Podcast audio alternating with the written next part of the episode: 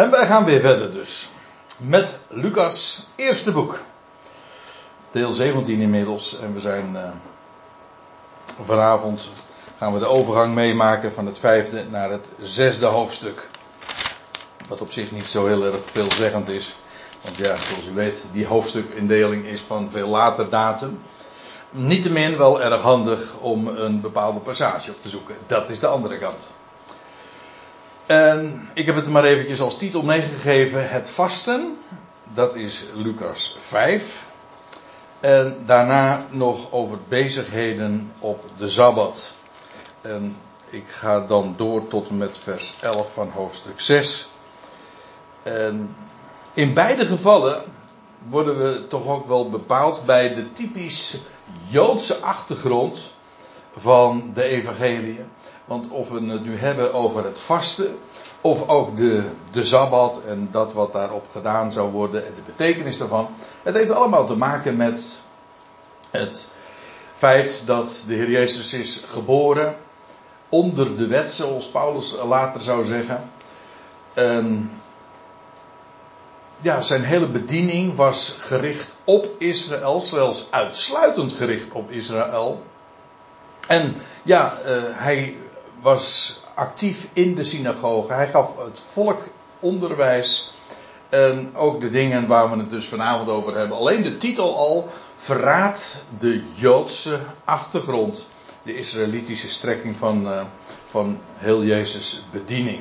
En dat is natuurlijk een heel andere dan waar wij in geplaatst zijn. Ik bedoel, wij zijn mensen van de natieën.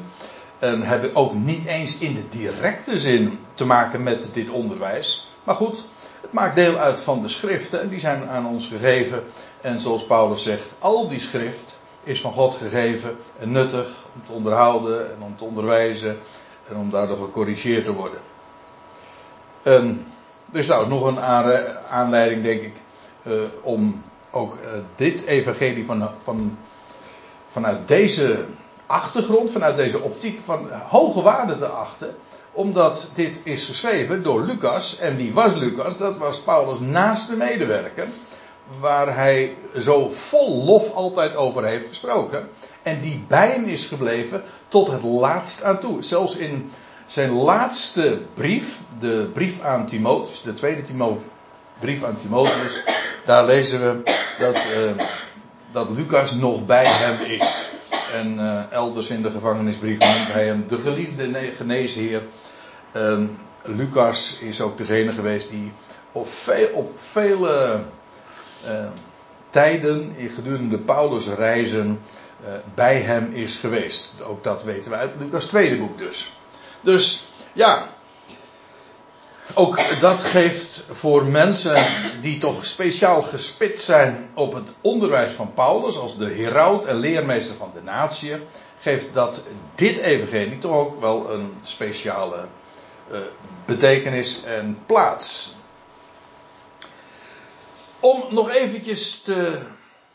Waarom doet dit nu niet? Ik zei dat we even nog terug moeten blikken. Even heel kort op wat we de laatste keer hebben gezien in de bespreking. Dat was dus in november. Dat alweer een tijdje geleden. En toen waren we bij een receptie van Matthäus. Of bekend in hier genoemd Levi. Maar Levi is Matthäus. Een van de, de twaalf discipelen. En dan lezen we in Lucas 5. En Levi maakte een grote receptie voor hem, dat wil zeggen voor Jezus, in zijn woonhuis. Hij was geroepen. Lucas was, of pardon, deze Levi, wij kennen hem als Matthäus, degene die ook het evangelie naar Matthäus heeft geschreven. Die was een, dat was een tollenaar. En die werd geroepen. En zijn hele leven kwam op, op zijn kop te staan. En ter daarvan dat hij nu zijn oude beroep vaarwel uh, zei. En vervolgens dus uh, een van de twaalf werd. En ja, een hele nieuwe bestaan eigenlijk aanving. Nou, ter gelegenheid daarvan maakte hij een grote receptie voor Jezus in zijn woonhuis. En er was een grote schare van tollenaars en anderen die met hem neerlagen. En dan staat er, en de fariseeën en hun schriftgeleerden, sorry hoor, nou, nou, wat een hoest allemaal. En de fariseeën en de schriftgeleerden die morden uh, naar zijn discipelen en zeiden: Waarom eten en drinken jullie met tollenaren en zondaren? En dat eten en drinken, dat gaat nu aan de orde komen, vanavond. Maar eerder al in diezelfde context is het dus het verwijt dat Jezus uh, eigenlijk hele slechte connecties zou hebben en zijn discipelen. In dit geval ook met tollenaren en zondaren. Later lezen we ook over tollenaren en hoeren. Daar was hij bevriend mee. Uh, lui met een hele slechte achtergrond. En daarvan zei Jezus, toen hem dat verweten werd en daar uh, oor van, voor kreeg, of dat hem ter oren kwam, dan staat er ook in vers 31 van, van ditzelfde evangelie. Um, zij die gezond zijn, die hebben geen geneesheer nodig, maar zij die ziek zijn. Ik ben niet gekomen om rechtvaardigen te roepen, of mensen die denken rechtvaardiger te zijn, maar zondaren tot besef en tot, hoe staat het er, tot omdenken. Tot bezinning, zo ja, dat was het woord. Maar in ieder geval, het was bij deze gelegenheid dat we nu ook eh, aankomen in vers 33 van Lucas 5. Dat loopt gewoon door, dus kennelijk is dat nog steeds in dezelfde context. Dat wil zeggen, tijdens die receptie van. Oh, dat is een tikfout. Uh, tijdens de receptie van Levi, dus nog steeds. Dat is de context. En in feite gaat het gesprek dan nog verder. Uh, er waren er velen dus je kunt je voorstellen dat er zo ook heel wat uh, afgesproken is met elkaar. En dan staat er, zij nu zeiden tot hem, uh, daarvan de aanwezigen, de leerlingen van Johannes die vasten dikwijls. Vasten, dus je onthouden van uh, de geneugten van het leven in het algemeen, eten en drinken, eventueel seksueel omgang. Uh, trouwens, er zijn nog meer dingen waar je van kunt onthouden, maar vooral vasten in de zin van eten en drinken. Je daarvan te onthouden dus. De discipelen van Johannes die deden dat dikwijls. Ehm, vanuit Matthäus, want deze geschiedenis wordt en hier in Lucas vermeld, maar ook in Matthäus en ook in Marcus. Iets korter. Maar niettemin, ook daar wordt het opgetekend. En in uh, Matthäus 9 lezen we ook dat uh, discipelen van Johannes zelf ook bij Jezus, discipelen, of uh, bij Jezus zelf waren aangekomen en deze vraag hadden voorgelegd. Dus zij hadden zelf deze vraag dus eigenlijk ingebracht. Of eigenlijk, ik zeg een vraag, maar feitelijk zit hier een verwijt in besloten. Namelijk, zij doen dat wel en jullie niet. De leerlingen van Johannes die vasten dikwijls. En zij doen hun smeekbeden. Een woord wat we heel dikwijls uh, tegenkomen in het Nieuwe Testament. En ik ben daar. Uh, het, het, idee is niet zozeer dat er, gesmeekt wordt. alleen het is een beetje lastig om daar een goed Nederlands woord voor te, te vinden. Ik heb, ben er naastig naar op zoek gegaan, maar het idee zelf, het woord is namelijk afgeleid van wat uh, letterlijk bindend is. Iets wat bindend is. Oftewel wat noodzakelijk is. En vandaar dat het eigenlijk beden betreft. Om dat wat absoluut nodig is. Of noodzakelijk is. Wat bindend is. Wat je nodig hebt. Dat is het idee. Het gaat er dus niet zozeer om van dat, je, dat je erom smeekt. Maar dat je Bid om datgene wat echt noodzakelijk is, wat bindend is. Dat is het idee. En uh, als u daar wel een woord voor hebt, ik hou me aanbevolen, want het is wel, uh, lijkt mij goed om dat in de vertaling zo, zo goed mogelijk ook naar voren te brengen. Zo zie je wel eens een keer, of wel eens een keer, heel dikwijls, als je bezig bent met het omzetten van de ene taal in de andere taal, in dit geval vanuit het Grieks naar het Nederlands, dat soms de de ontvangende taal, in dit geval Nederlands, uh, te arm is, in dit geval. Uh, omdat, je gewoon, omdat we eigenlijk geen echt woord hebben dat precies recht doet aan het Griekse woord. En dat is wel eens, uh, dat is lastig. En in feite dat is ook een van de redenen waarom we bijbelstudie doen. Gewoon om zulke gebreken van de taal uh, toe te lichten. Afijn, uh, hier wordt dus dat zo opgeworpen. De leerlingen, de discipelen van Johannes, die vasten dikwijls. Die doen dan hun, hun, gebeden om dat wat noodzakelijk is. En niet alleen zij, en evenzo ook die van de fariseeën. De discipelen, de leerlingen, zij die in de school van de fariseeën uh, komen. Moet je voorstellen feitelijk dat uh, er sprake is van verschillende partijen, secten, uh, maar je zou ook kunnen zeggen scholen systemen van onderwijs. De Sadduceeën hadden hun eigen, dat was een eigen richting, een eigen partij, een eigen, ja, richting is misschien wel, nog wel het juist, meest uh, treffende woord. Uh, maar in ieder geval, je had daar ook dus het onderwijssysteem van de Fariseeën. En ik zie weer een spelfout. Ja. Thuis heb ik straks nog wat werk, ja. En daar die hadden dus ook hun uh, regelmatig vasten. We lezen trouwens in hoofdstuk 18 van ditzelfde evangelie dat, u, u, weet wel dat is die geschiedenis, of die gelijkenis is dat geloof ik. Nee, een geschiedenis. Dat daar een fariseer en een, een, een tollenaar in de tempel zijn. En die, die, die, die die beroemt zich eigenlijk naar God toe erop dat hij uh, twee keer per week staat er, in de, tussen de sabbatten, twee keer per week uh, vast. En inderdaad, de Fariseïsche school, dat weten wij uit buitenbijbelse bronnen ook, die va zij vasten twee keer per week, namelijk op een maandag en op een donderdag. Het is maar goed dat wij geen Fariseeën zijn, hè? Vandaar. Anders hadden we straks. Uh... Wat zeg je gewoon niet? Dan waren we vast een stuk lichter met z'n allen. Als je dat twee keer per week doet. Ja. ja, dat is een goede reden ook om te vasten, ja. Wat dat betreft, uh, kijk, wij lachen er een beetje om, om dat hele idee van vasten, maar dat is helemaal niet gek, zei hij. Objectief gewoon, als je er op je bereid bent objectief over na te denken, is dat uh, zelfs heel goed voor een mens om zich bij regelmaat ook uh, te onthouden. Zeker in een tijd als wij leven, waar we zo enorm veel overvloed uh, kennen. Maar uh, goed, dat is een onderwerp apart. In ieder geval, die fariseeën deden dat dus net zo als de leerlingen van Johannes heel vaak.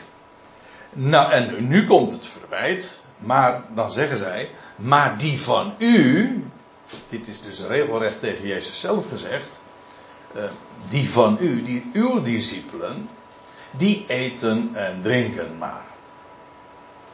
Dat was het verwijt.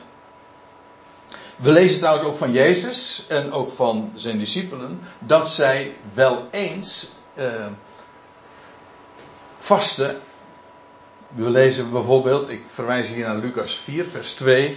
En dan staat er ook dat toen de heer Jezus naar de woestijn ging, die 40 dagen, dat hij al die tijd niet at en dronk. In de meest uh, absolute zin, of misschien meer uh, relatief, maar in ieder geval ook, dat was ook vasten. Maar niet dus uh, met die vaste, leuk woord in dit verband, niet met die vaste regelmaat.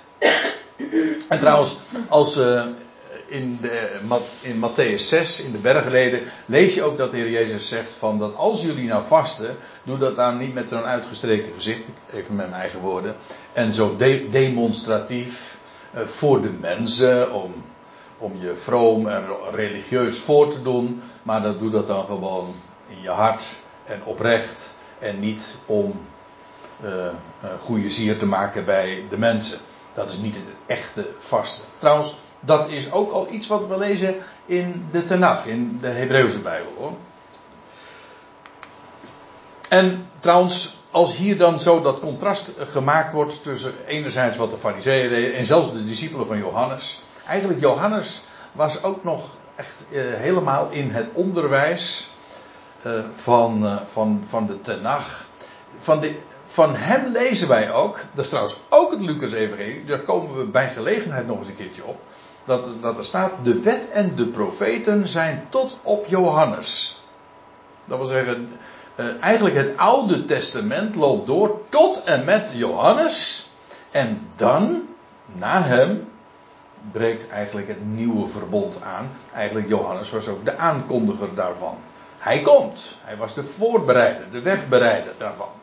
Maar Johannes zelf was nog helemaal het oude verbond. En feitelijk, wat de Heer Jezus hier doet, uh, is weliswaar voorbereiding op het nieuwe verbond, maar hij leefde onder de wet. Nog steeds onder het oude verbond.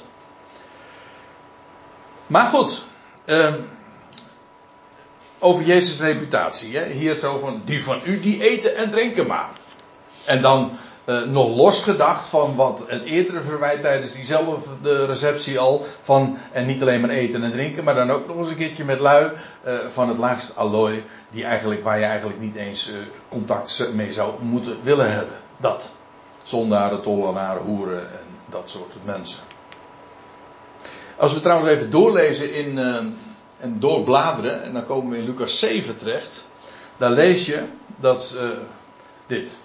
Want dat, is, dat zijn ook woorden die de Heer Jezus zelf dan uitspreekt. Want Johannes de Doper is gekomen en hij stond zelfs bekend om zijn vasten. En er staat er geen brood etende of wijn drinkende.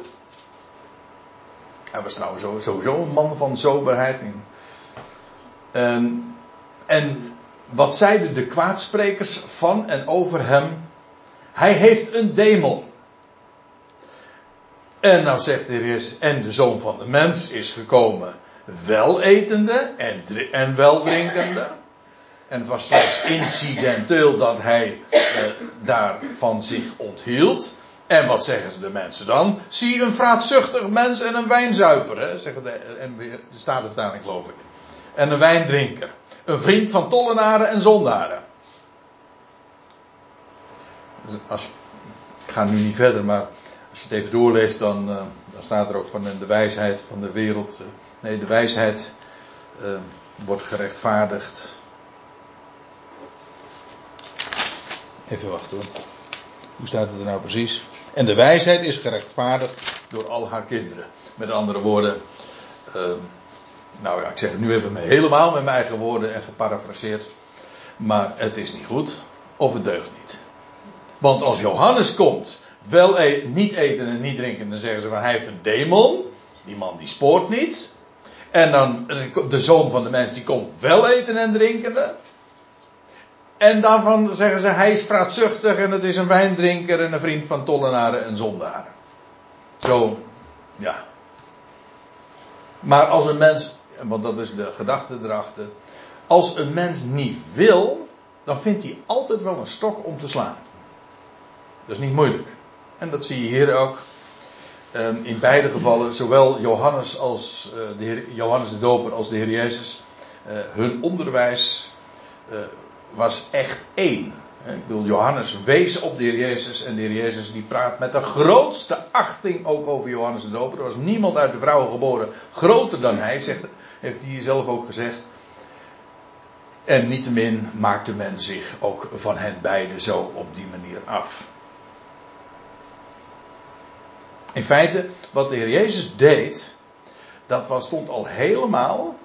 Het was nog prematuur, dat is waar, maar het stond al helemaal in het teken van het nieuwe verbond dat nog officieel moest aanbreken, maar het onderwijs was eigenlijk al helemaal een, om het in wijntermen te zeggen, antichambreren, op kamertemperatuur. Zo van, eh, het is nog niet zover, maar het hele onderwijs is al doortrokken van het nieuwe dat zou gaan komen. En vandaar ook dat eten en drinken. Want dat is nu juist uh, uh, weer kenmerkend voor dat nieuwe verbod. Dat, daar gaan we het nu dan ook over hebben. Want dan zegt de heer Jezus, het, zijn, is een prachtige beeldspraak. Jezus nu zei tot hen, kunnen jullie soms de zonen van de bruiloftzaal doen vasten. Hoe staat het er in de, in de MBG-vertaling? Staat, kunnen soms de, de bruiloftsgast, kunt je de bruiloftsgasten uh, laten vasten? Letterlijk staat er dus de zonen van de bruiloftzaal, zij die uh, toebehoren aan, erfgenamen zijn van de bruiloft en alle toebehoren. Uh, kunnen jullie soms de zonen van de bruiloftzaal doen vasten, terwijl de bruidegom bij hen is? En het idee is eigenlijk zo voor de hand liggend. Deze mensen, waar jullie nu zoveel uh, verwijten aan hebben, namelijk de Jezus' discipelen. Hij zegt, dat zijn, dat zijn de zonen van de bruiloftzaal. En de bruidegom, dat ligt er impliciet in besloten, dat ben ik zelf. Ik ben die bruidegom. Het is toch van de sotte om bij een bruiloft te gaan vasten. Dat kan gepast zijn op allerlei momenten, maar in ieder geval toch niet bij een bruiloft. Dat zou gevierd worden. Wel, de bruidegom is in hun midden. En willen jullie soms de zonen van de bruiloftzaal, dat is wat een vreemde term misschien, maar in ieder geval, vandaar ook dat de MBG-vertaling er maar van gemaakt heeft, bruiloftsgasten. Bruidskinderen staat de, oude, oh ja, de bruidskinderen. En, en wat stond er ook alweer in de. Oh ja, de zonen van het bruidsvertrek. Zegt uh, in de Isa-weergave. De plaats waar de bruid is. dat is dus de bruidsvertrek. Lijkt mij niet helemaal het juiste woord, want dat zou, het bruidsvertrek is dan toch meer de slaapkamer. Lijkt mij. Maar uh, het is de zaal waar het feest gevierd wordt. En degene die dat beheren en regelen, de zonen. En dat is wat de, de twaalf zijn. Die zijn. De Heer Jezus zelf is hier, in dit geval, in dit beeld, in deze gelijkenis, de, de bruidegom. Wel, en de discipelen, zij zijn degene die uh, de bruiloft regelen en, en daar eigenlijk, uh, ja, hoe zeg je dat? Zij zijn degene die gaan over die bruiloftzaal en over het feest. Die zijn daartoe ook gesteld. Maar als dat de situatie is, dan is het toch eigenlijk bizar om. Uh, dat is wat Jezus hier zegt. Kunnen jullie soms de, de zonen van de bruiloftsvrouw doen vasten? Het is toch bizar om hen te laten onthouden van eten en drinken? Als er één gelegenheid is waar je wel zou eten en drinken, dan is het juist dan toch wel bij die gelegenheid. En de bruidegom, ja, dat is, dat kan niet missen. Dat is de Messias. Eén van de termen een van, van de fraaie aanduidingen van de Messias in het Oude Testament al is inderdaad die van de bruidegom. En trouwens, eh, het hele eh, nieuwe verbond dat al in de dagen van Jeremia werd aangekondigd, ja, dat was feitelijk een nieuw huwelijksverbond. Zoals het oude verbond bij de Sinai was ook, was ook, wordt ook vergeleken met een, een, een huwelijksverbond was een bruidegom, er was een bruid, het volk. En er was ook, een, uh, er was ook de, de echtelijke woning. En feitelijk was het land de echtelijke woning. Beide hebben hun ja-woord gegeven. Kortom, het hele oude verbond had het karakter van een huwelijksverbond. Maar het nieuwe verbond ook weer. Is ook een huwelijksverbond. Waarbij de Heer zelf, namelijk gerepresenteerd in de Messias, de bruidegom is. Hè? Hooglied ja, gaat daar natuurlijk over. Ja, schitterend. En eigenlijk, ja, dat, als we het Lucas Evangelie gehad hebben, dan moeten we het nog eens over het Hooglied hebben, lijkt mij. Want, uh, ja, niet alleen maar om rode oortjes ervan te krijgen, maar uh, ook omdat het. Uh, je kunt natuurlijk zeggen van ja, het is prachtig onderwijs over de, de. en een ode aan de liefde van, van man en vrouw, bruid en bruidegom. Maar het gaat veel dieper. Want de bruid dat is Israël. En de bruidegom dat is de Messias. En weet je wat trouwens zo mooi is? Als ik het nou toch over heb. Van dat uh, je hooglied. Het groot gedeelte van het boek Hooglied. Gaat erover dat de bruid de bruidegom kwijt is. Kunt gij zeggen, ik bezweer u dochters van Jeruzalem. Waar is mijn geliefde? En dan gaat ze op zoek. Maar ik, dat vind ik nou zo geweldig. Ook dat is profetisch. Want de bruidegom is weg. Waar is de bruidegom? Dat is eigenlijk de, de situatie in onze daar. De bruidegom was er. En zal er ook weer zijn. Maar hij is nu kwijt. Hij is weg. En het, het groot gedeelte van het boek Hooglied gaat daar ook over. Dus verwijst ook in feite naar de verborgenheid in onze dagen. En als we het over hebben over het Hooglied, maar Trouwens, in Jezaja ook hoor. Wordt ook uh, al uh, dat beeld gebruikt van de, uh, van de bruidegom en de bruid. Eén ding moet je in ieder geval heel goed weten. En dat is dat in de Bijbel de kerk, ik bedoel dat volk wat, zich, wat God zich vandaag verzamelt, als ik het dan beter mag zeggen, dat is in ieder geval niet de bruid. Dat heeft, dat heeft men, ook dat is weer zo'n idee dat feitelijk een, een, van de vruchten is, van de wrange vruchten is van die boom van uh, het geestelijk Israël. Namelijk dat wij alles wat aan Israël beloofd is, dat de kerk dat op zichzelf van toepassing heeft gebracht. En dan zijn wij de kerk, de bruidsgemeente. Kun je wel vergeten, Israël is de bruid. En de gemeente is het lichaam van Christus. Die staat in een heel andere relatie en hoedanigheid, in een andere betrekking tot haar Heer. Als hoofd en lichaam. Maar eh, de verhouding bruidegom-bruid, dat is van toepassing op de Messias en zijn volk Israël. En ik verwijs hier naar Hosea 2, Hosea 3. Hosea die dat zelfs moest uitbeelden. Dat hij een vrouw moest kopen. Weet je wel, een vrouw van lichte zeden. En dat, dat is over typologie gesproken. Dan koopt hij die vrouw. En wat doet hij? Dan staat er, en je zult geen gemeenschap met haar hebben. Vele dagen. En daarna dan neem je haar alsnog in de praktijk, wordt dat huwelijk geconsumeerd, om zo te zeggen. Maar eerst wordt die vrouw, hij betaalt een prijs voor die vrouw. En vervolgens uh, is er geen sprake nog van een werkelijk een actief en een uh, ja, geconsumeerd huwelijk, om zo te zeggen. En dat is ook onze tijd. De prijs is betaald. De bruidegom is er. De bruid is er ook, maar er is nog steeds geen sprake van een nieuw verbond. Daar zit een hele tijd tussen, vele dagen. Kortom, eh, ook het, de Hebreeuwse Bijbel ja, staat er al vol van over, over die tijd die zou komen, de bruidegom. Nou, en hier, wat de Heer hier zegt, de bruidegom is er. De bruidegom is er. En hij zegt, ja, dat ben ik natuurlijk. Hij zegt, en dus is het ook niet aan de orde en niet reëel om nu te verwachten dat de zonen van de bruiloftzaal, mijn discipelen, gaan vasten. Dat doe je niet. Maar, zegt hij in vers 35, er zullen andere dagen komen, namelijk wanneer de bruidegom van hen weggenomen wordt. En dan zullen ze vasten, in die dagen. Niet nu. Waar het hier over gaat, is uh, niet ik heb het vaak zo horen uitleggen. Over uh, Jezus hemelvaart. En de tijd daarna. Nee. Dat, ik kan dat ook heel gemakkelijk bewijzen. Want het laatste, de laatste verse van dit evangelie, Lucas 24, daar lees je inderdaad dat de Heer Jezus of bij, daar bij van hen werd eh, genomen. Dat wil zeggen, hij voert ten hemel hen zegenend. En dan staat er, vervolgens gingen de discipelen weer terug naar Jeruzalem.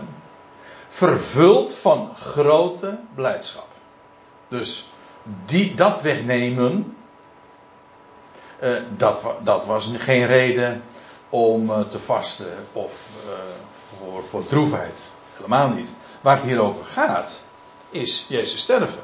Er zullen andere dagen komen, namelijk wanneer de bruidegom van hen weggenomen wordt, in de zin van wat dat hij zal sterven. Ja, dan is er reden om te vasten. Er staat in, in Johannes 16, dat, is, dat zijn woorden die vlak voor Jezus sterven zijn uitgesproken. Toen ze in de opperzaal waren. En dan staat er uh, dat de Heer Jezus tegen hen zegt: Een tijdje, een, korte tijd, en jullie aanschouwen mij niet. En weer een tijdje en jullie zullen mij zien. Um, en zij vroegen zich af, wat betekent dat dan? En dan zegt hij, amen, amen, voorwaar, voorwaar, ik zeg jullie.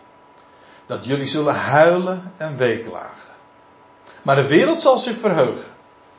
Jullie zullen bedroefd worden, maar jullie bedroefdheid zal tot vreugde worden. Wat het hier over gaat is, ze zouden een korte tijd, drie dagen, uh, verstoken zijn van de Heer. De bruidegom werd van hen weggenomen. En ze zouden huilen en weeklagen. De wereld zou zich verheugen, want ja, ze waren eindelijk van die lastpost af. Maar eh, een tijdje zullen jullie mij niet aanschouwen en een tijdje daarna. En weer een tijdje en jullie zullen mij zien. Dat, dat wil zeggen, daarna zullen jullie mij zien. Uh, de wereld trouwens niet meer. De wereld zou hem niet meer zien. En zo, wanneer hij in de opstanding alsnog weer tot hen zou komen, dan zullen jullie, jullie droefheid tot vreugde worden. Kijk, en daarover gaat het. Die dagen dat de Heer Jezus inderdaad gekruisigd werd en stierf en in het graf lag. Toen werd de bruidegom van hen weggenomen. Feitelijk is het zo dat als hier in Lucas 5, vers 35 de, de Heer Jezus dit zo zegt, dan zegt hij eigenlijk al, de bruidegom, hij gaat sterven. Er is inderdaad, ik ben de bruidegom, en dat, dat wijst op feest, en een nieuw verbond enzovoort, de vervulling van de Messiaanse profetieën, maar vergis je niet, die bruidegom zal worden weggenomen. En dan, ja, dan is er reden om te vasten. In die dagen. Een korte tijd dus. Hij nu sprak tot hen ook een gelijkenis. In feite was dat wat hij zojuist zei ook een soort gelijkenis. Door uh, de vergelijking te maken met een bruidegom. Maar dat is ook in feite beeldspraak natuurlijk. En nu volgt er dus opnieuw een gelijkenis. En dan zegt hij deze. Niemand scheurt een verstellap van een nieuw kledingstuk en zet die op een oud kledingstuk. Nee, ja, dat doe je niet. Nou ben ik geen coupeuse, maar uh, ik heb er hier genoeg verstand van om, om te weten dat je dat uh, niet doet. Hè? Onderdeel, uh, kijk dat, dat, dat zo'n zo'n lap om een kledingstuk te verstellen, ja, dan pak je natuurlijk niet een, een nieuw kledingstuk en daar haal je, en dus daar, daar, daar knip je of scheur je niet een nieuw stuk vanaf om dat vervolgens op een oud kledingstuk te zetten. Dat is bizar, dat doe je niet. Waar het hier over gaat, het is een gelijkenis, hè? een parabel. Parabool. Uh, namelijk, het idee is bij een parabel is, uh, je hebt hier iets en je hebt hier iets en dat, is, dat loopt parallel. En dat kun je eigenlijk ook het ene zo van toepassing brengen op het ander. Dat is een gelijkenis. En dat, waar het hier over gaat, dat nieuwe kledingstuk. Ja, dat is het eh, onderwijs aangaande het nieuwe onderwijs. Waar de Heer Jezus mee kwam. De bruidegom. Alles, alles wat hij te vertellen had, dat was dat, dat nieuwe kledingstuk. Ja, en dan pak je uh, wat hier beschreven wordt. Ja, dat doet helemaal niemand. Niemand scheurt een verstellap van een nieuw kledingstuk en zet die op een oud kledingstuk. Dat oude kledingstuk, ja, dat heeft alles te maken met het oude verbod. En, moet ik erbij zeggen, ook dat uh, met die drang van bijvoorbeeld de fariseeën en schriftgeleerden, van het jodendom in het algemeen, om dat vooral maar dat vast te houden aan dat oude. Dat te conserveren, hè? conservatief. Hè? Dat is om, dat te, om vast te houden aan dat oude, terwijl het nieuwe was gekomen. Het Jodendom uh, ja, leeft in de verwachting, is een van de definities ook van het Jodendom, is, uh, nou ja, daar kun je een heleboel van zeggen, maar het Jodendom leeft in de verwachting van de komst van de Messias komt er eigenlijk op neer dat als die Messias dus gekomen is, is het Jodendom voorbij. Want ja, dan verwacht je hem niet meer, dan is hij er al. En uh, wat die, ja, de fariseërs, de schriftgeleerden deden, die, uh, die hielden vast aan het oude.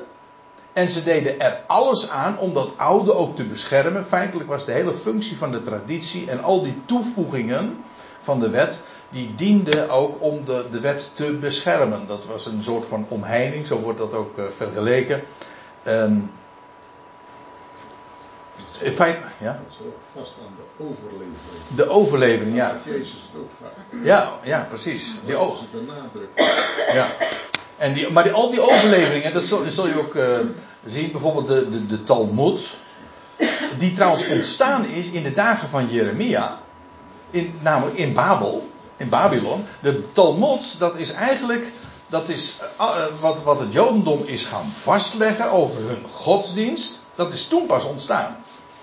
Dus in de dagen van Jeremia, die het nieuwe verbond aankondigde, pas toen heb je echt, is het Jodendom ontstaan in die zin van als een godsdienst die het oude ging conserveren, vast ging leggen. En daar ook alles, van allerlei dingen aan toe ging voegen. Waarom? Juist om dat oude vooral maar niet kwijt te raken. En te, te beschermen. Zodat als er uh, nieuwe dingen verteld worden, zouden worden, uh, dat men daar niet voor open zou staan. Ook, hè? Ja, ik wou, ik wou, Traditie. Ja, nou, misschien dat we het zo meteen nog even over hebben. Want uh, ook in dat opzicht zie je dat de kerk geestelijk Israël is. Toch wel weer, ja.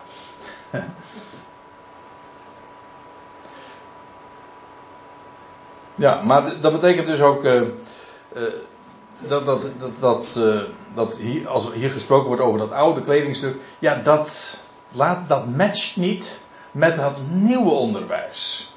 Dan zie je dus ook dat de Heer Jezus komt en hij vertelt hen de dingen van het woord van God. En dat was men absoluut, dat, dat verdroeg men niet en het, het past ook niet. Dat staat er ook in vers 36. Anders zal hij niet alleen het nieuwe scheuren. Want ja, kijk, op het moment dat je zegt van. Uh, dat je wel zegt, maar van een nieuw kledingstuk. Uh, iets afscheurt of uitknipt en dan vervolgens op een oud kledingstuk neerzet. Ja, dan ben je dus, is het nieuwe niet, ja, heb je het kapot gemaakt dus. Dat wat als één geheel uh, was, zich presenteert, heb je kapot gemaakt. En is dus niet meer heel. Je hebt het stuk gemaakt. Dus uh, wat je dan doet, is het nieuwe heb je gescheurd, kapot gemaakt. Maar bovendien, de verstellap van het nieuwe zal ook niet passen bij het oude. Dat is het tweede. Dus het nieuwe ben je kwijt, omdat het niet meer heel is. En bovendien, die verstellap uh, past niet eens bij het oude. Het, het, is te verschillend, het past niet. Of uh, in computertermen, het is niet compatible. Dat is net zoiets als dat je een programma uit uh, Windows uh, 10, uh, weet je wel, een nieuw programma. En dan moet je, moet je gaan draaien op een oude computer waar nog Windows, nou ja, een oude versie staat. Dat gaat niet. Dat is niet compatible. Dat, is, dat, dat werkt niet, dat past niet, het komt niet overeen.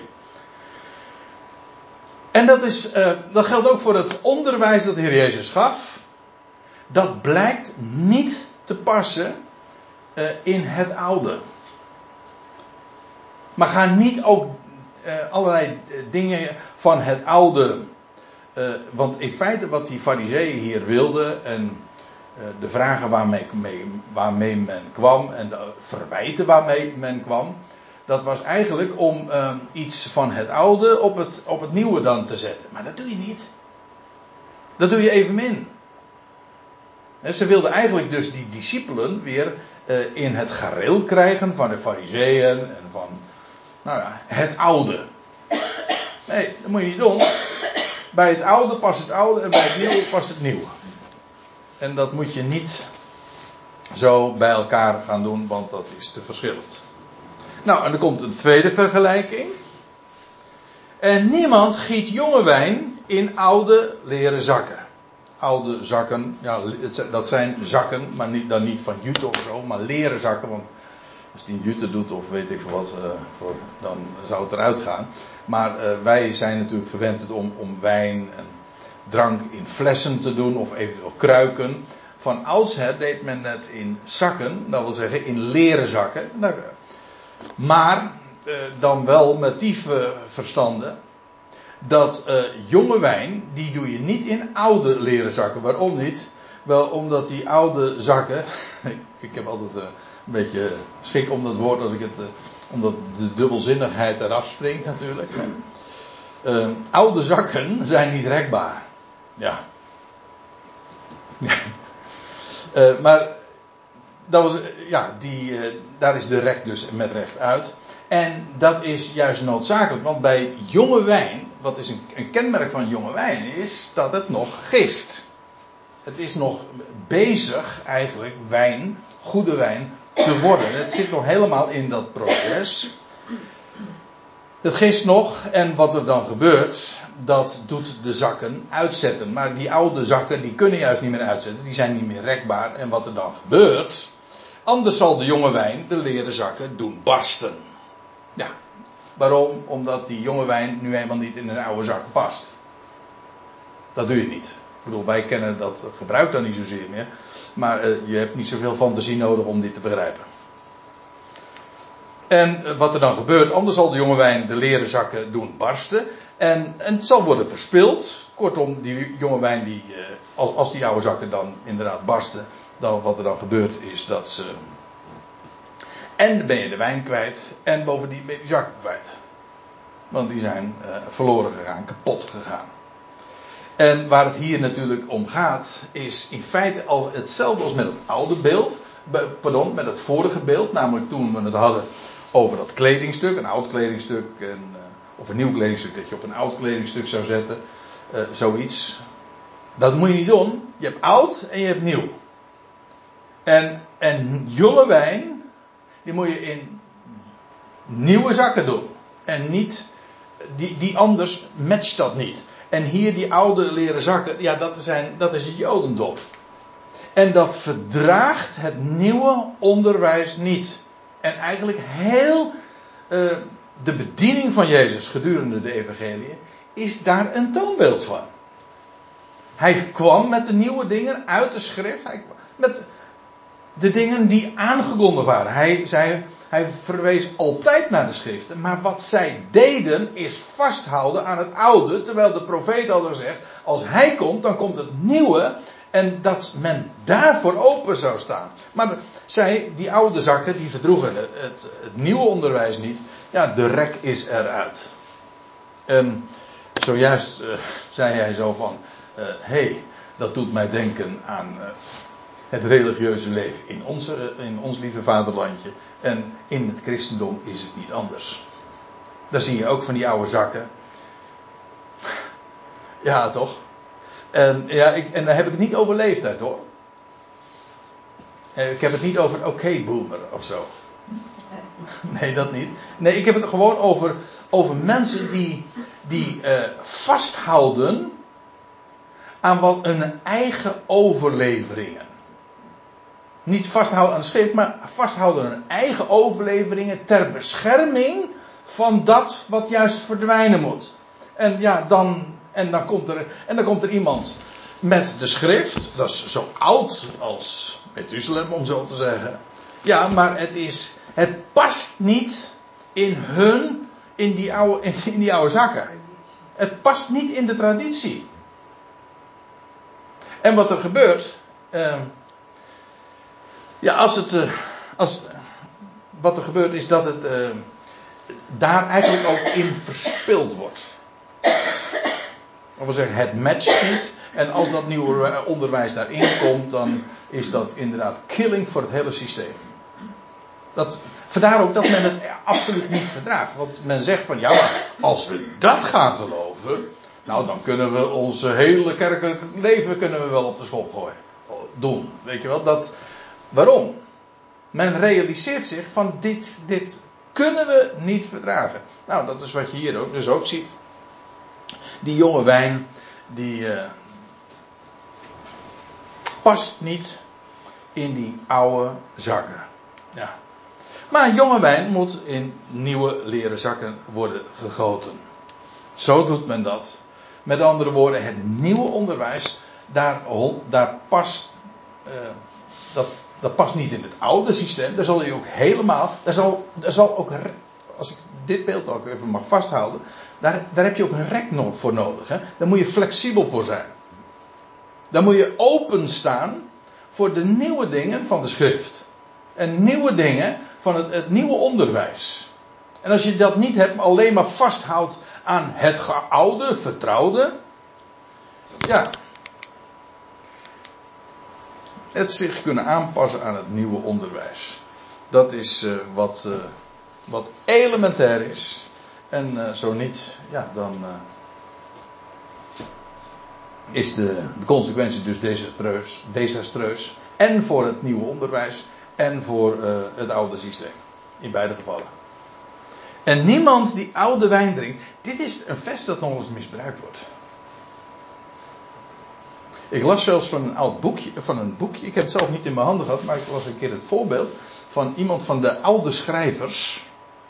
Uh, voor, de, voor uh, mensen met een Calvinistische achtergrond, die kennen dat wel. De oude schrijver van, nou ja, goed, noem ze allemaal eens op. Hè. Uh, Brakel en Voetsjes en noem maar op. er zijn er vele. Smijtengeld. En dat wij, zijn allemaal van die oude schrijvers. En die. Ja. Is een bekende naam hoor. Ja.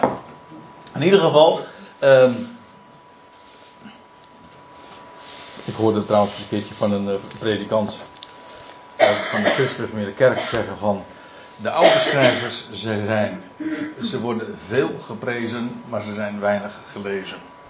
Dat wil zeggen, het, ook dan pas is het weer soms heel netjes en uh, je maakt goede sier als je daar dan over spreekt, maar in de praktijk kent men het helemaal niet zo goed. Maar ook dat is weer vaak een beetje voor de bühne, om zo te zeggen. Uh, ik wil even dit verhaal nog afmaken wat ik, uh, zojuist, waar ik zojuist mee begon. Uh, dat er een keertje een, boekje was uitgegeven van een oude schrijver. En daar staat dan in het voorwoord, of op de eerste pagina, dit vers afgedrukt. En het idee was uh, van dat boekje. van, ja weet je, als je het,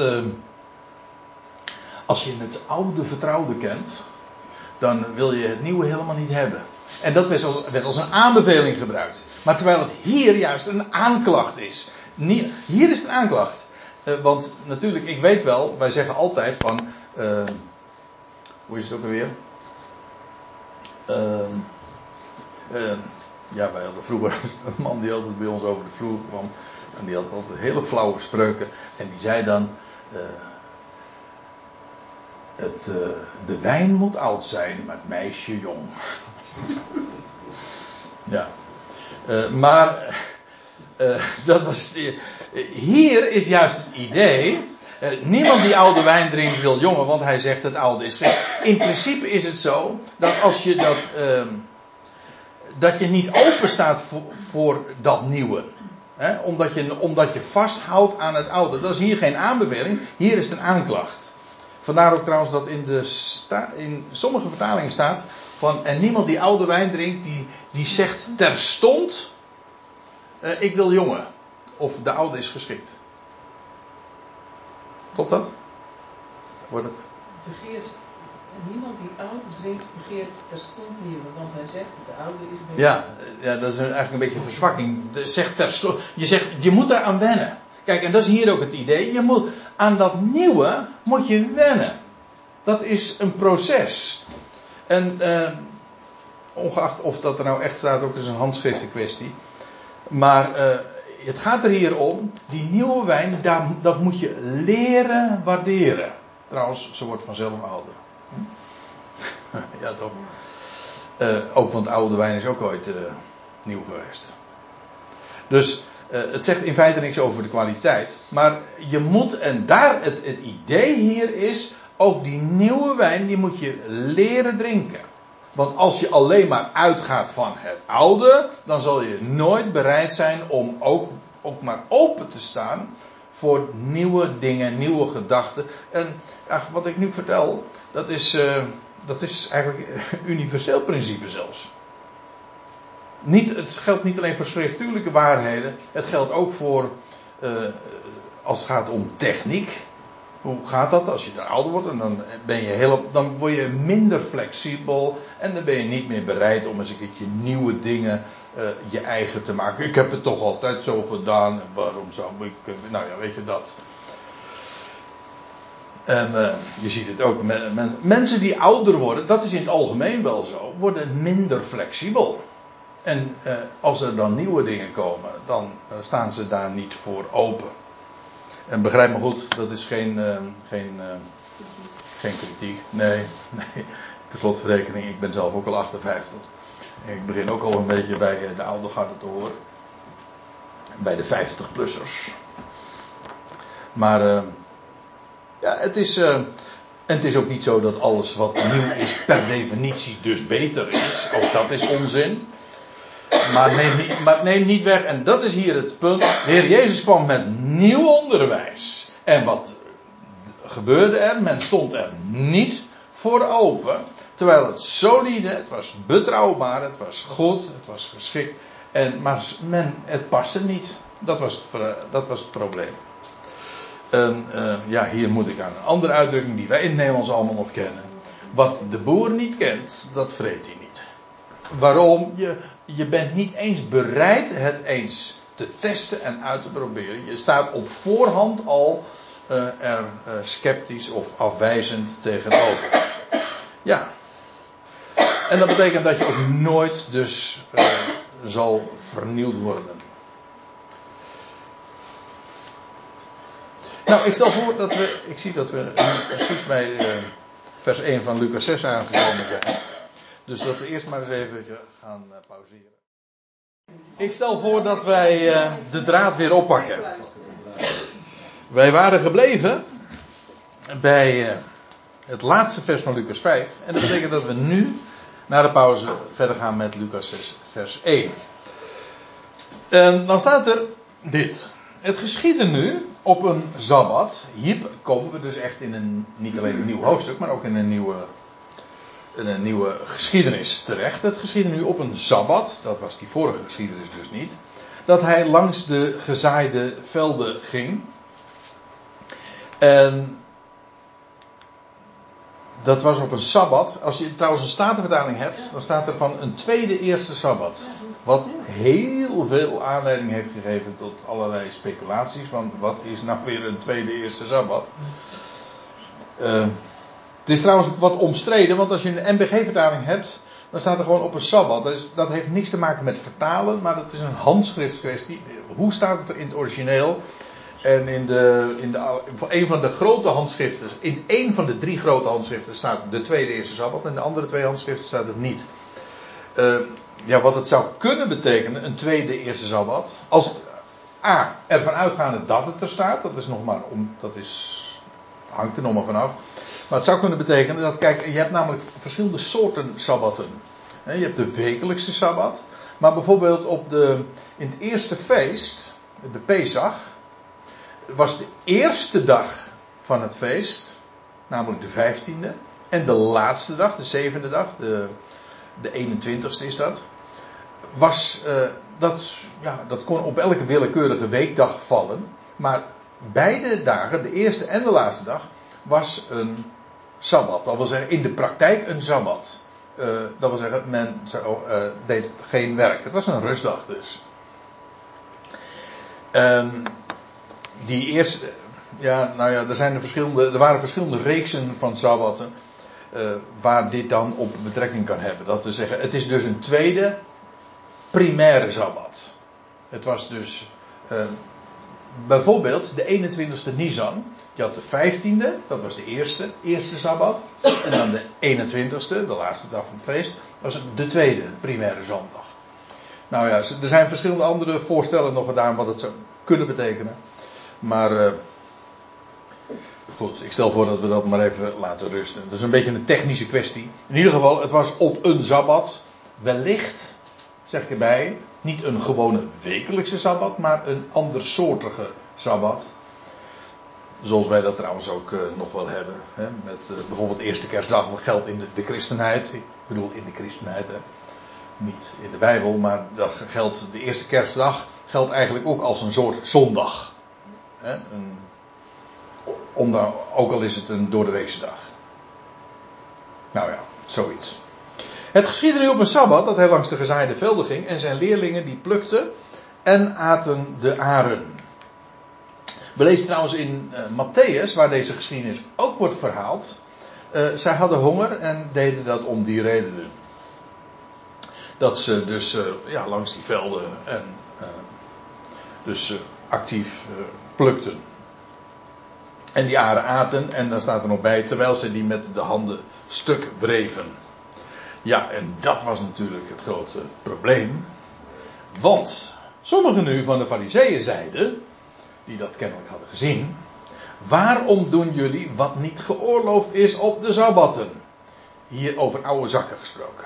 Hm? Ongeacht de leeftijd. Uh, nogmaals, het is het oude systeem dat dan denkt, het is niet geoorloofd. Waarom? Maakt die aarde, maakte ze klaar. Er werd tussen de vingers, of hoe stond het er? Ze, terwijl ze die met de handen stuk wreven, uiteraard. En feitelijk is dat het uh, dorsen, het proces van dorsen. Je doet het alleen dan handmatig. Uh, dat is niet geoorloofd, want dorsen is werken. Dat is het idee. En werken doe je niet op Sabbat. Maar dit is zo uh, wettisch gedacht, maar het is ook helemaal trouwens niet naar de schrift. Want werken in de Bijbel betekent niet zomaar iets doen, maar het is iets doen voor geld. Dat is trouwens de definitie van werken. Je, je kan iets, je kan je zelfs in het zweet in, je kunt je in het zweet hollen, zonder dat je een cent vervangt. En je kan de hele dag op je stoel zitten en er wel geld voor vangen. De meeste mensen doen dat trouwens. die zitten de hele dag op de stoel en krijgen er geld voor.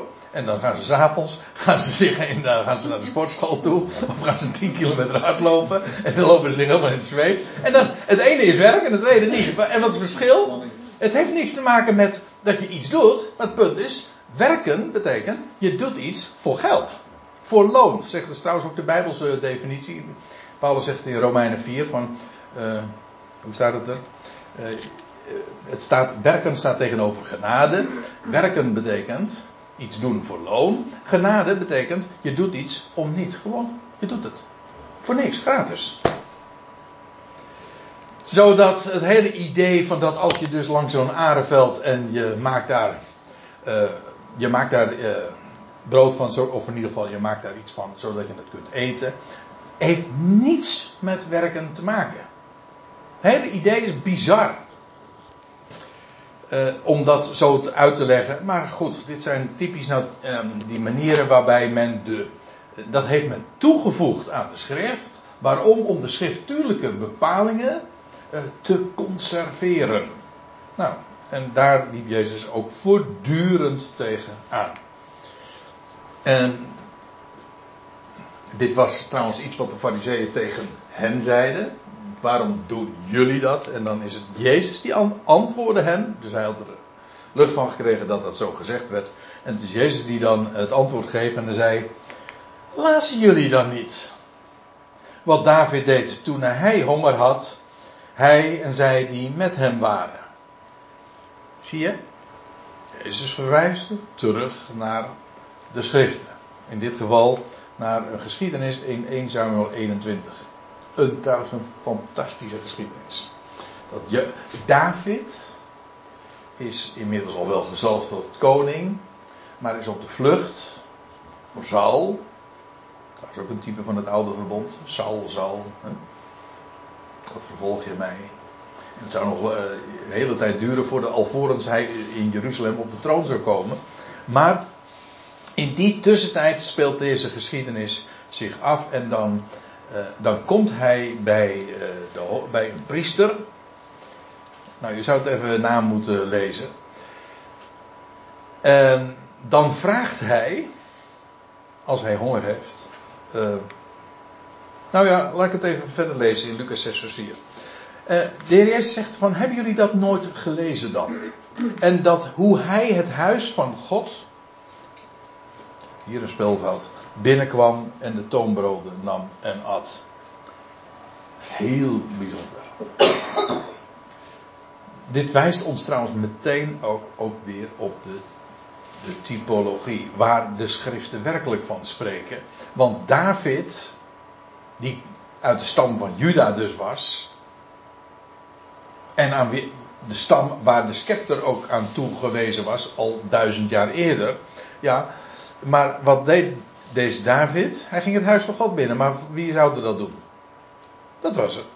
Uitsluitend voor de priesters. Maar David doet het. David was, heel, was helemaal geen priester.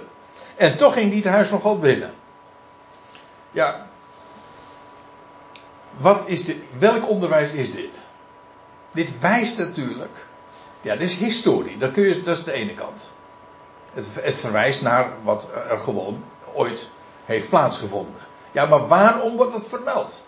Omdat het spreekt van de zoon van David, die inderdaad ook verworpen zou worden, alvorens hij op de troon zou komen, maar die in die tussentijd wel degelijk ook het huis Gods zou binnengaan. En dat is in feite wat de situatie is in onze dagen. Waar is de zoon van David? Hij is er wel. Hij is alleen verworpen door Saul, ja, jawel.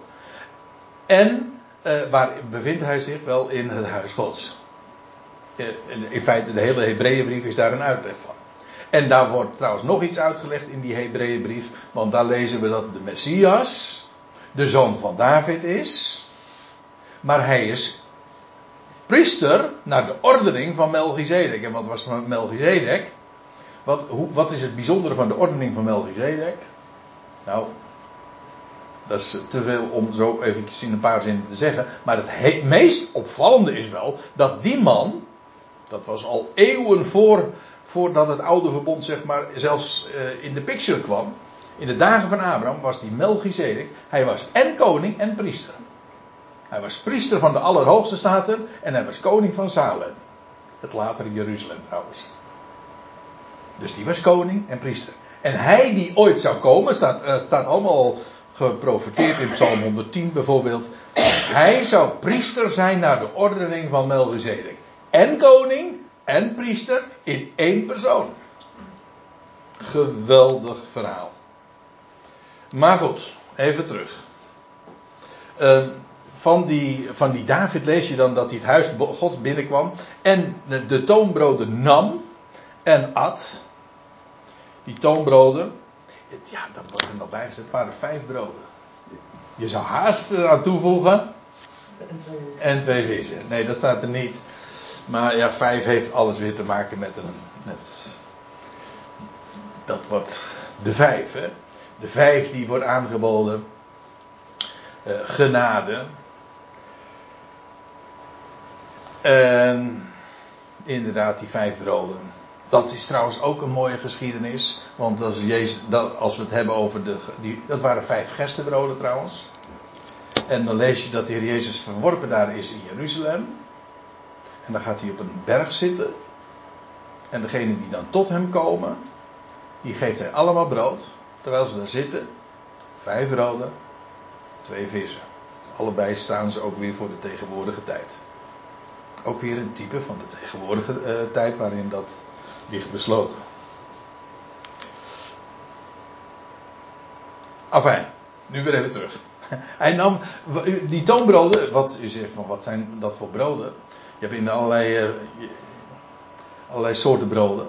In, uh, in de Bijbel lees je over beweegbroden. En dan denk je van, ja, ik ken alleen maar krentenbrood en witte brood en, bruin brood. Maar dit zijn eigenlijk broden waarmee eh, het eerste deel van het woord meer aangegeven wordt wat men ermee doet en waar het voor bedoeld is. Namelijk om te tonen, in, in dit geval in de tempel, er was daar een, een tafel, een gouden tafel in het heilige en daar werden wekelijks, elke sabbat, werden daar twaalf nieuwe broden. Zeg het goed? Tien. Nee, twaalf. Voor elke stam. Ja. ja. Uh, werden twaalf broden, werden daar uh, nieuwe broden. Werden, en, en die broden mochten alleen door de priesters gegeten worden. Staat er ook bij. Maar in ieder geval, dat heette dan de toonbroden.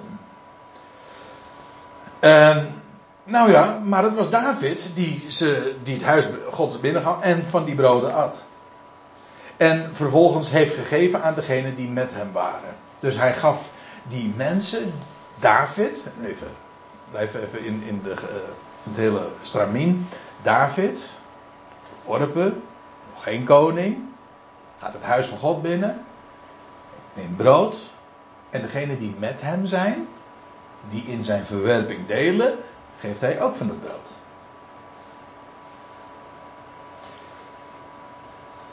En er staat erbij van waarvan niemand geoorloofd is te eten dan alleen de priesters. Als u dat niet geloven wilt, dan moet je dat maar eens even lezen in Leviticus 24.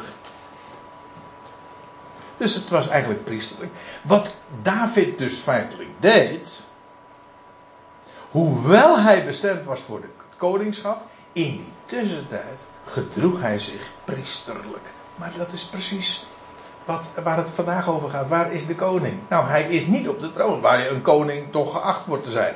Waar is hij dan wel? Wel in het huis van God, verborgen. Ontrokken aan het oog. En doet hij priesterlijk werk. En verstrekt hij brood aan degenen die met hem zijn en in zijn verwerping delen. Nou, kijk, het argument is niet hier dat uh, Jezus bedoelt te zeggen van nou als David dat toen mocht op de Sabbat dan mag ik het ook. Dat is het niet. Nee, het argument is als David al uh, als David dit al deed hoeveel te meer degene die meer dan David is. Namelijk niet alleen de Ben David, de zoon van David, hij is de, Ben Adam, de zoon van de mens, aan wie de hele aarde toegekomen, uh, aan wie de hele aarde en de hele wereld is toebedeeld. En Ben David, dat wil zeggen de zoon van David, Davidson, of de zoon des mensen, dat zijn allemaal messiaanse titels. Net als de bruidegom bijvoorbeeld. Ze verwijzen naar hem. En hij zegt: De zoon van de mens is heer van de sabbat. Als David al op de sabbat van die, uh, die broden at. Wel, hoeveel te meer? De Ben Adam. Hoeveel te meer is hij de heer van de sabbat? Dat is hier het argument. Ik, ik, ga even uh, gauw door. Want uh, we moeten nu nog een uh, geschiedenis bespreken. Want dat is de planning. En ik, tot dusver heb ik me daar nog consequent aan gehouden dit seizoen. En dat wil ik zo houden. En dan staat er in vers 6. En het geschiedde nu op een andere sabbat. Eigenlijk staat er een andersoortige sabbat. Dat, dat bevestigt mij in de gedachte dat het inderdaad hier niet gaat om een, om een een door de weekse sabbat, maar echt om een wekelijkse sabbat, een andersoortige sabbat, dat hij de synagoge binnenkwam en onderwees. Ik zei al, als we Lucas evangelie lezen, de evangelie in het algemeen, we komen Jezus tegen, Joodse setting, ging de synagoge binnen en wat hij daar? onderwijs geven. Vertellen wat er staat geschreven. En dan was daar een mens, daar was iemand. En staat er, zijn rechterhand was verschrompeld, verdord. Staat er eigenlijk letterlijk. Verdroogd. Idee was, hij had daar totaal geen kracht meer in. Hij was met recht onthand. En uh, ook dus. Het was zijn rechterhand.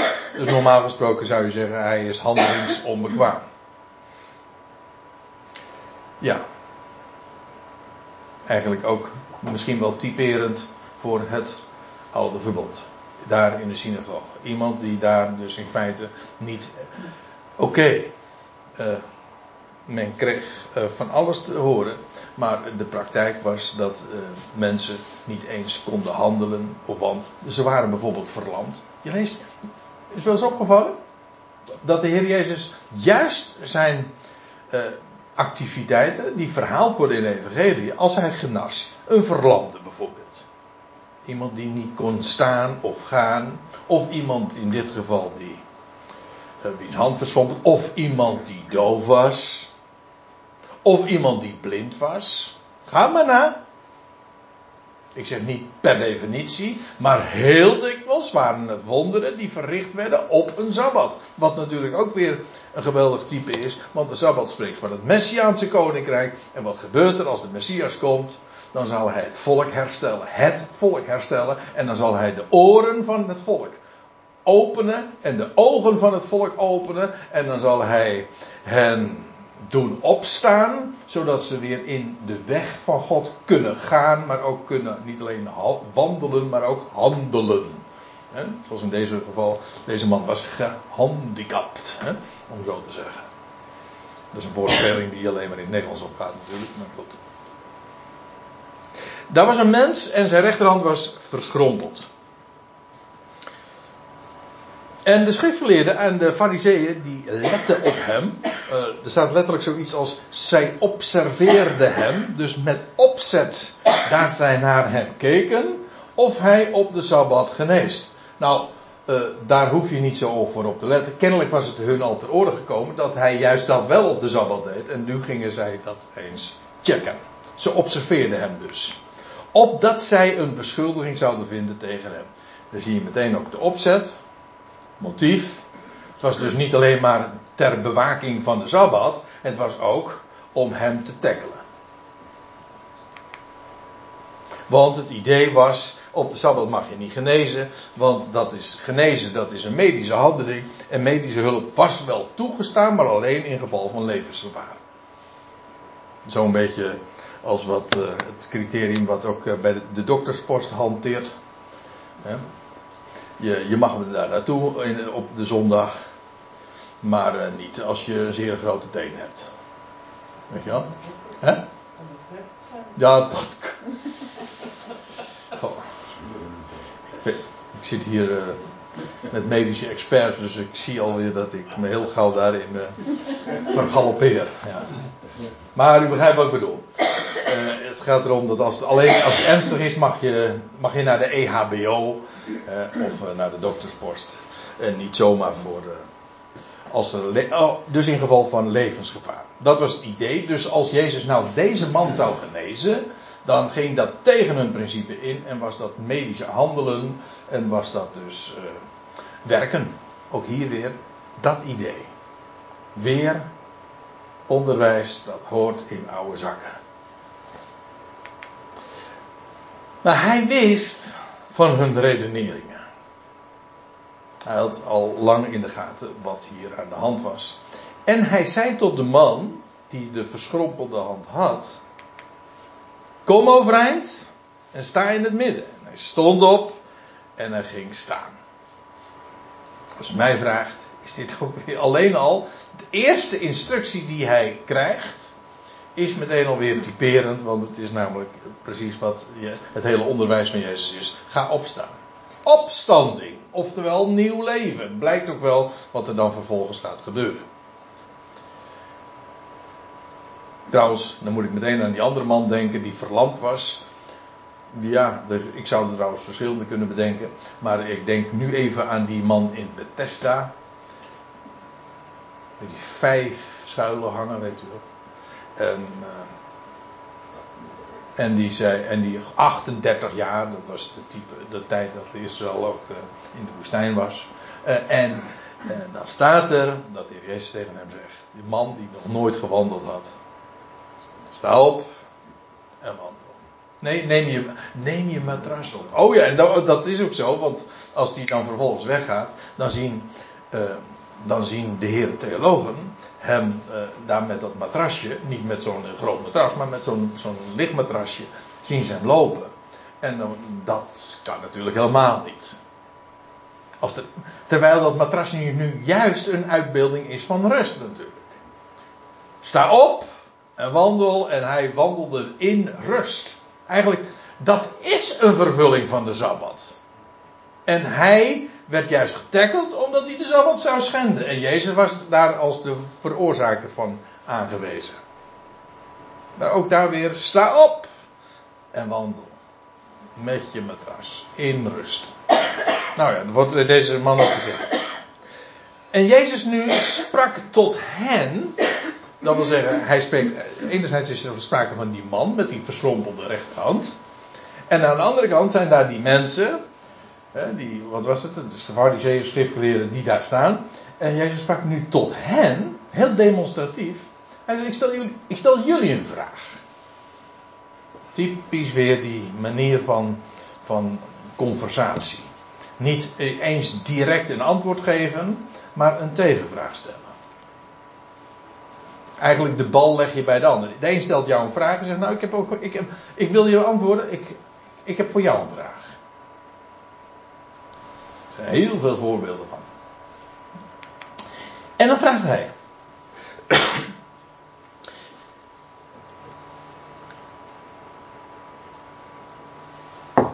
Is het geoorloofd op de sabbat goed te doen of kwaad te doen.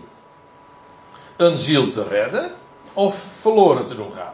Goed doen, dat is een ziel redden. En kwaad doen, dat is uh, verloren doen gaan. In dit geval is dat kwaad doen. Uh, ook hier zie ik weer een spelfout. Ja. Maar.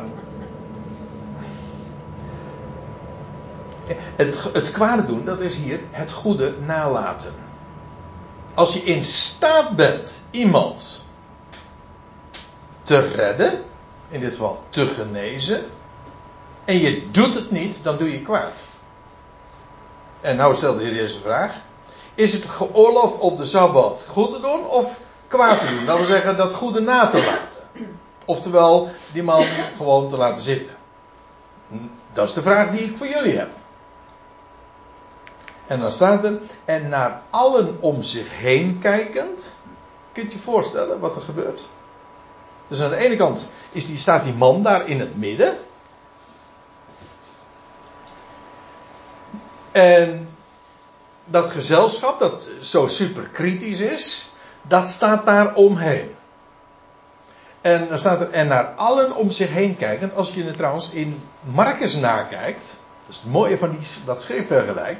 Dan staat dat de Heer Jezus bedroefd was. Over de hart, er staat erbij, bedroefd om de hardheid van hun harten. En hij was vertoornd. Dat, dat, zijn, dat zijn echt van die hele, uh, ja, authentiek op, uh, emoties die je nu eenmaal hebt op het moment dat je daarmee geconfronteerd wordt. Natuurlijk is het waar dat God ogen opent en dat is allemaal tot je dienst. Maar moet je voorstellen, als je in aanraking komt met zoveel verharding. We hadden het in de pauze er ook nog over. Uh, over, over, over in, de religieuze setting, in de religieuze wereld waar men hel en verdoemenis inderdaad ook predikt. We hadden het daar even over, dat was verband. En toen ging het er even over dat, dat een heleboel mensen het gewoon helemaal oké vinden. En die hebben het dan weer eens eventjes heel netjes gehoord. En zo komt men dan uit de kerk. En dan de dominee heeft over hel en verdoemenis. Vrouw, heb je nog koffie? Zo. Sorry, als je zo daarin staat. Als je zulke boodschap kunt. Als je zulke boodschap uh, tolereert. Dan ben je verhard. Dan ben je echt verhard. Als je dat uh, daar niet heet of koud van wordt. Dat kan maar één ding betekenen: dat je een eeltlaag op je hart hebt. En de mensen die nog wel gevoel in hun, sorry dat ik het even plat zeg, in hun donder hebben, die wel inderdaad reëel zijn en horen wat er gezegd wordt, die kunnen hier niet mee leven. En als je daar echt serieus neemt, dan beland je zelfs in een psychiatrische inrichting. En ik, ik meen bloedserieus wat ik nu zeg. Dat, dat kan je niet verdragen. Als je dat serieus neemt, dan kun je daar niet mee leven. Nou, oké, dat is christendom.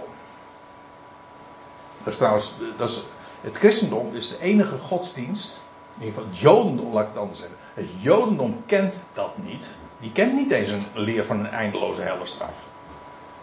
Het christendom wel. Moslims ook wel. Moslims kennen het ook. Maar het jodendom kent het niet. Het is in feite, ik denk dat de moslims trouwens ook van de christenen hebben. Maar het is zo'n afschuwelijke demonische leer. En als je dat verdraagt, ja, dat is echt uh, verharding in het kwadraat.